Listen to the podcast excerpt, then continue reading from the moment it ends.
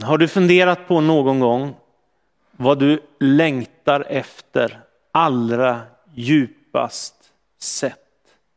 Det som bor allra längst innerst i dig själv. Vad är det du törstar efter? Vad är det du hungrar efter? Om du tänker på vad som är själva meningen med ditt liv och din tillvaro. Vad är det du vill? Vad är det som är ditt hjärtas allra djupaste törst? Jag är övertygad om att i varje människa så bor det allra längst där inne en törst efter mening, en törst efter liv, en törst efter att tillvaron ska vara begriplig och att det ska vara vettigt att leva vardagslivet. Men bortom allt det vi längtar efter av en trygg tillvaro och av ett vettigt liv så tänker jag mig att vi bär en törst efter Gud där allra innerst i vårt hjärta. Jag tänker mig att vi alla har som ett inre tomrum som väntar på att fyllas. Det mänskliga livet är ju en fantastisk gåva, en oerhört stor gåva. Men det är begränsat, det är kort och livets dagar och år passerar fort. Därför är det viktigt att ta vara på sin djupaste längtan och söka sig emot det som verkligen är viktigt i en människas liv. Jag har för någon månad sedan läst en bok av en eh, kvinna som heter Maria Borelius och boken heter Förundran. Och i den berättar hon om några olika viktiga saker för henne. Och man ser att hon försöker tänka kring helheten för det handlar om arbete, det handlar om hälsa, det handlar om mat. Men ett av kapitlen handlar om andlighet. Och när jag slog upp boken så såg jag att rubriken för den var Längtan efter Gud. Och så här skriver Maria som själv är vetenskapsjournalist. Vi är en större grupp av kvinnor som ses, som inbördes har vissa band som alla är mitt i livet. Vi arbetar med en del personliga och professionella frågor och får frågan, vad längtar du efter i ditt liv just nu? En efter en ställer sig kvinnorna upp och berättar. Mindre stress, mer balans mellan jobb och fritid, säger en. Mer tid för mig själv och mina intressen. Det jag älskar, säger en annan. Mer sömn, att ha tid att träna och äta bra. Att vara närmare min man, säger ytterligare en. Mer sensualism. Så ställer sig en kvinna upp. Häftigt och säger med flammande kinder. Jag satt och funderade. Och så slog det mig så hårt att det jag längtar efter, det är faktiskt Gud. Ja, så konstigt är det. Det är Gud. Det blir knäpptyst. Hon sätter sig ner med tårar i ögonen som om hon har sagt något skamligt. Ja, vad är det du törstar och längtar efter? När jag var 17 år gammal så blev jag på allvar berörd av Gud. Jag upplevde Guds närvaro, jag upplevde Guds kallelse.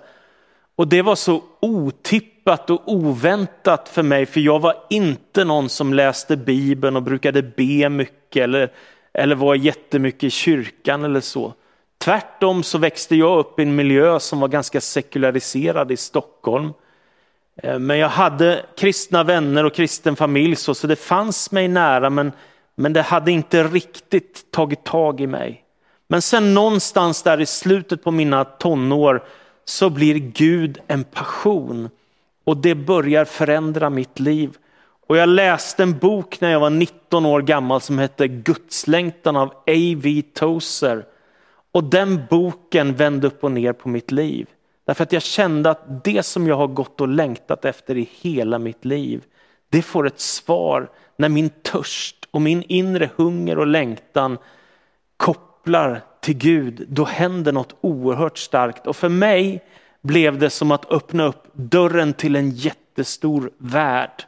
Mitt liv, mitt lilla liv blev så mycket större Därför att jag fick koppla med den gudomliga verkligheten och träda ut ifrån bara en liten begränsad vardag till att tänka så stort om mitt liv att det kopplar till honom som är universums skapare och herre. Det förändrade och vände upp och ner på mitt liv. Att få sin längtan bekräftad som Guds längtan och få en upplevelse, ett möte med Gud. En av mina absoluta favorittexter i Bibeln är psalm 42. Och det står så här ifrån vers 1. För körledaren, en dikt av Koras ättlingar. Som hjorten längtar till bäckens vatten, så längtar jag till dig, o Gud. Jag törstar efter Gud, efter den levande guden. När får jag komma? När får jag träda fram inför Gud? Tårar har blivit min föda både dag och natt. Ständigt frågar man mig, var är din Gud? Jag överväldigas av sorg när jag minns det som var, hur jag gick i den mäktiges hägn upp till Guds hus med tacksägelse och glädjerop i skaran som drog upp till högtid. Varför är du så tyngd av sorg min själ och full av oro? Sätt ditt hopp till Gud. Jag ska åter få tacka honom min räddare och min Gud. Min själ är tyngd av sorg, därför går min tanke till dig från Jordans och Hermons land, från Misars berg. Djup ropar till djup i dånet av dina forsar, alla dina brottsjöar slår samman över mitt huvud. Om dagen ska Herren skänka sin nåd, om natten ska jag sjunga till hans ära och be till Gud som ger mig liv. Jag säger till Gud, min klippa, varför har du glömt mig? Varför måste jag gå sörjande plågad av fiender? Det skär mig in i märgen när mina fiender hånar mig, när de ständigt frågar, var är din Gud? Varför är du tyngd av sorg min själ och full av oro? Sätt ditt hopp till Gud, jag ska åter få tacka honom, min räddare och min Gud. Som hjorten längtar efter bäckens vatten, så längtar min själ efter dig, o Gud. Jag tror, om du tänker efter, att du kanske kan börja ana att det som din innersta längtan handlar om faktiskt inte bara handlar om att förverkliga dig själv, göra något bra med ditt jobb eller på din skola eller ditt universitet eller att skaffa en familj eller att lyckas med ett antal saker eller att äntligen få göra den där resan du har längtat efter.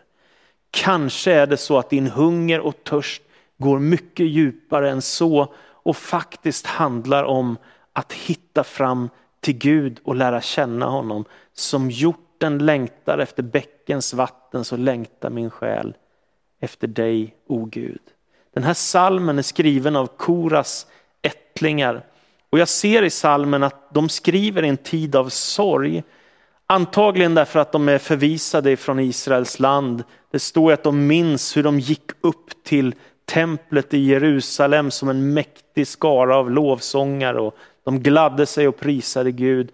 Och nu är de fyllda av sorg. Antagligen är de på något sätt i fångenskap eller förvisat från sitt löftesland. Och därför är de fyllda av sorg. Men just den här upplevelsen av sorg, av svårigheter, prövning och motgångar gör att det blir så tydligt att det enda som bär genom allt är Gud själv.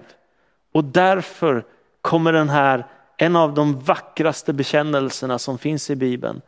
Den här texten, som gjort hjorten längtar till bäckens vatten, så längtar min själ efter dig, och Gud. När ska jag få träda fram inför ditt ansikte? Jag tror att vi alla bär denna innersta längtan i våra hjärtan. Jag tror inte att vi blir fullt tillfredsställda av vad den här världen kan ge, även om den kan ge oss mycket gott. Jag tänker mig att ytterst sett är det bara Gud som kan tillfredsställa din själs allra djupaste begär. Ja, jag vet att man kan skaffa sig mängder av surrogat och försöka ersätta Gud i sitt liv med alla möjliga saker. Det vi kan skaffa under ett liv i den här världen. Vi hinner tjäna en del pengar, vi kan köpa en del saker, vi kan göra en del resor, vi kan vara med om häftiga upplevelser. Och ändå är allt det här begränsat. Det enda som är evigt och bestående, det är Gud själv. Och Tozer som jag citerade, som berörde mig så djupt, den här författaren, han skriver i sin bok så här om människor som törstar efter Gud och inte blir tillfredsställda förrän de har druckit djupt i källan med levande vatten. Så tänker jag mig att den här längtan kan ta sig uttryck på fyra olika sätt. Den första längtan är den här lite mer diffusa, jag är en sökare, jag vet inte riktigt vad jag ska göra med mitt liv, om jag ska öppna mig för Gud, om jag ska våga tro på evangeliet om Kristus. Jag är en sökare, jag är på resa och jag är på vandring och vet inte riktigt, jag irrar efter vad jag ska gå framåt någonstans om jag ska våga tro. Och då måste man, som Sören Kierkegaard, filosofen, säger, våga kasta sig ut på 70 000 famnars djup och se om det här bär. Och det är min personliga erfarenhet att när man vågar kasta sig ut i tro, bildligt talat, så är det som att man blir uppfångad och någonting händer med ens liv och tron tar över ens liv och helt plötsligt blir Gud en jättestor fråga och allt tar sin utgångspunkt i vem Gud är och vad han har gjort för oss, att han älskar oss, att han har skapat oss, att han är livets källa och så kan törsten och längtan få mötas av Gud själv. Eh, men man måste inte bara vara törstig och gå och längta och vara osäker, utan man kan också få finna Gud. Man kan också få uppleva och möta Guds närvaro, uppleva Guds härlighet. Det är så många människor genom historien som berättar om det. Och egentligen kan man säga att en väldigt stor del av Bibeln handlar om att människor har upplevt Guds närvaro, fått ett bönesvar, sett något av Guds härlighet, mött Jesus, varit med om ett under eller sådana saker. Det är hela Bibelns berättelse kan man säga. Och därför kan man också få bli en människa som hittar fram till Gud och får en personlig relation till Gud och börja leva i gemenskap med honom. Att inte bara söka utan också få finna sitt hem hos Gud. En av de mest dramatiska frälsningsberättelser jag har läst skrevs av en författare som heter Sven Lidman. Och han skriver så här när han ser en gammal kyrkoherde som sitter och läser sin bibel och, och den är alldeles fylld utav understrykningar. Då skriver han så här. Taklampan var tänd. Han hade en bibel framför sig där han satt vid det runda matsalsbordet. Jag hade aldrig förr i mitt liv sett en sådan bibel. På de uppslagna sidorna var versraderna understrukna med röd och blå penna. Hans ögon lyste blå, brinnande och inåtvända. Intensivt och samlat satt han och läste sin bibel. Och när han hade suttit en stund där eh, och jag hade varit hos den sängliggande på sjukhuset och återigen passerade honom på min, vä på min väg ut, satt han fortfarande sluten och samlad kring sin bibel. Hela min jämtlösa och hemlösa varelse fylldes i det ögonblicket av en våldsam längtan. O att jag hade fått vara som den mannen. O att jag hade en Gud att tro på. O att jag hade en uppgift från Gud. Du lycklige, avundsvärde, utvalde. Hur ska jag kunna bli lik dig? Och det leder till att han börjar söka efter Gud på allvar och han gör en stark gudsupplevelse som förändrar hela hans liv. Och han som har varit en berömd författare och skrivit om alla möjliga saker börjar nu skriva om tron på Kristus, om tron på Gud och hans predikningar sammanställs i böcker och säljer i gigantiska upplagor på Bonniers förlag. Att hitta fram till Gud, att lära känna Kristus, det är en väldigt stor upplevelse. Det förändrar ditt liv om du tar Gud på allvar. Men inte bara så att man kan gå och söka och att man kan finna, utan man kan också uppleva Guds härlighet. Och det är den tredje formen av Guds längtan som jag tänker är väldigt viktig att vara med om. Och bland annat berättas det i gamla testamentet om Mose som ropar ropar till Gud i sin bön när han vandrar i öknen med sitt folk. Låt mig få se din härlighet.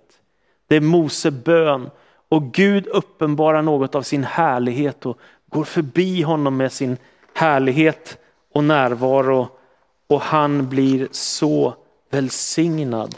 Han får göra en upplevelse av Guds kraft, av Guds närvaro, av Guds härlighet och så får han kraft att leda folket vidare genom öknen mot det förlovade landet.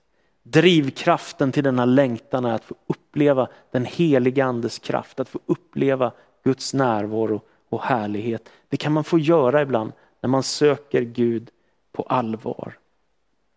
Den fjärde längtan efter Gud, det är också att ha hoppet som den kristna tron ger. Om att en dag få se Gud ansikte mot ansikte. Det finns ett löfte i Bibeln om den himmelska världen, om det eviga livet och om gemenskapen med Gud som ska vara i evigheters evighet. En dag finns ett slutmål för den kristna tron och det är att vi ska få komma hem till Gud genom tron på Kristus. Och det som då händer sägs det i Uppenbarelsebokens 21 kapitel, det är att vi ska få se Gud ansikte mot ansikte. Jag är övertygad om att det kommer vara ditt livs allra mest dramatiska ögonblick när du får komma hem till Gud och när du får se Guds härlighet i den eviga världen och få vara hos honom för alltid.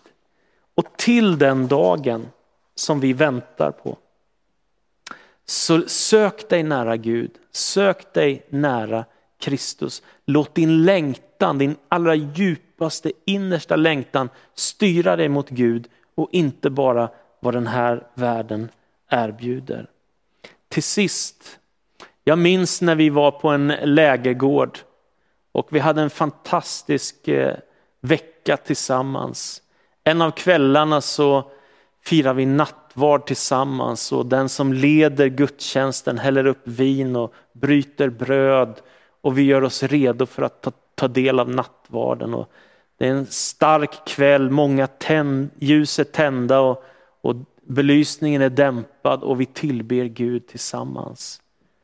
Och så är det som att det blir en sån otroligt stark gudsnärvaro och jag ser hur många människor det är som gråter därför att de är så djupt berörda av tillbedjan, av nattvardsfirandet vi får del av, förbönen vi är med om och Guds närvaron och härligheten som upptäcks i den här fantastiska gemenskapen som det är. Sånt där kan man få vara med om och sånt kan man också praktisera genom ordet, genom bönen, genom nattvarden, genom gudstjänsten, genom att läsa andlig litteratur, genom att söka Gud eller ta en bönepromenad. Att vara på resa mot Gud och öppna sitt hjärta för honom. Som hjorten längtar efter bäckens vatten, så längtar min själ efter dig, o Gud. När man sluter sina ögon för sista gången så tänker jag att det är livets allra häftigaste erfarenhet. Att få ha Gud med sig i livet och i döden, genom allt. Han som är vårt hopp. Amen.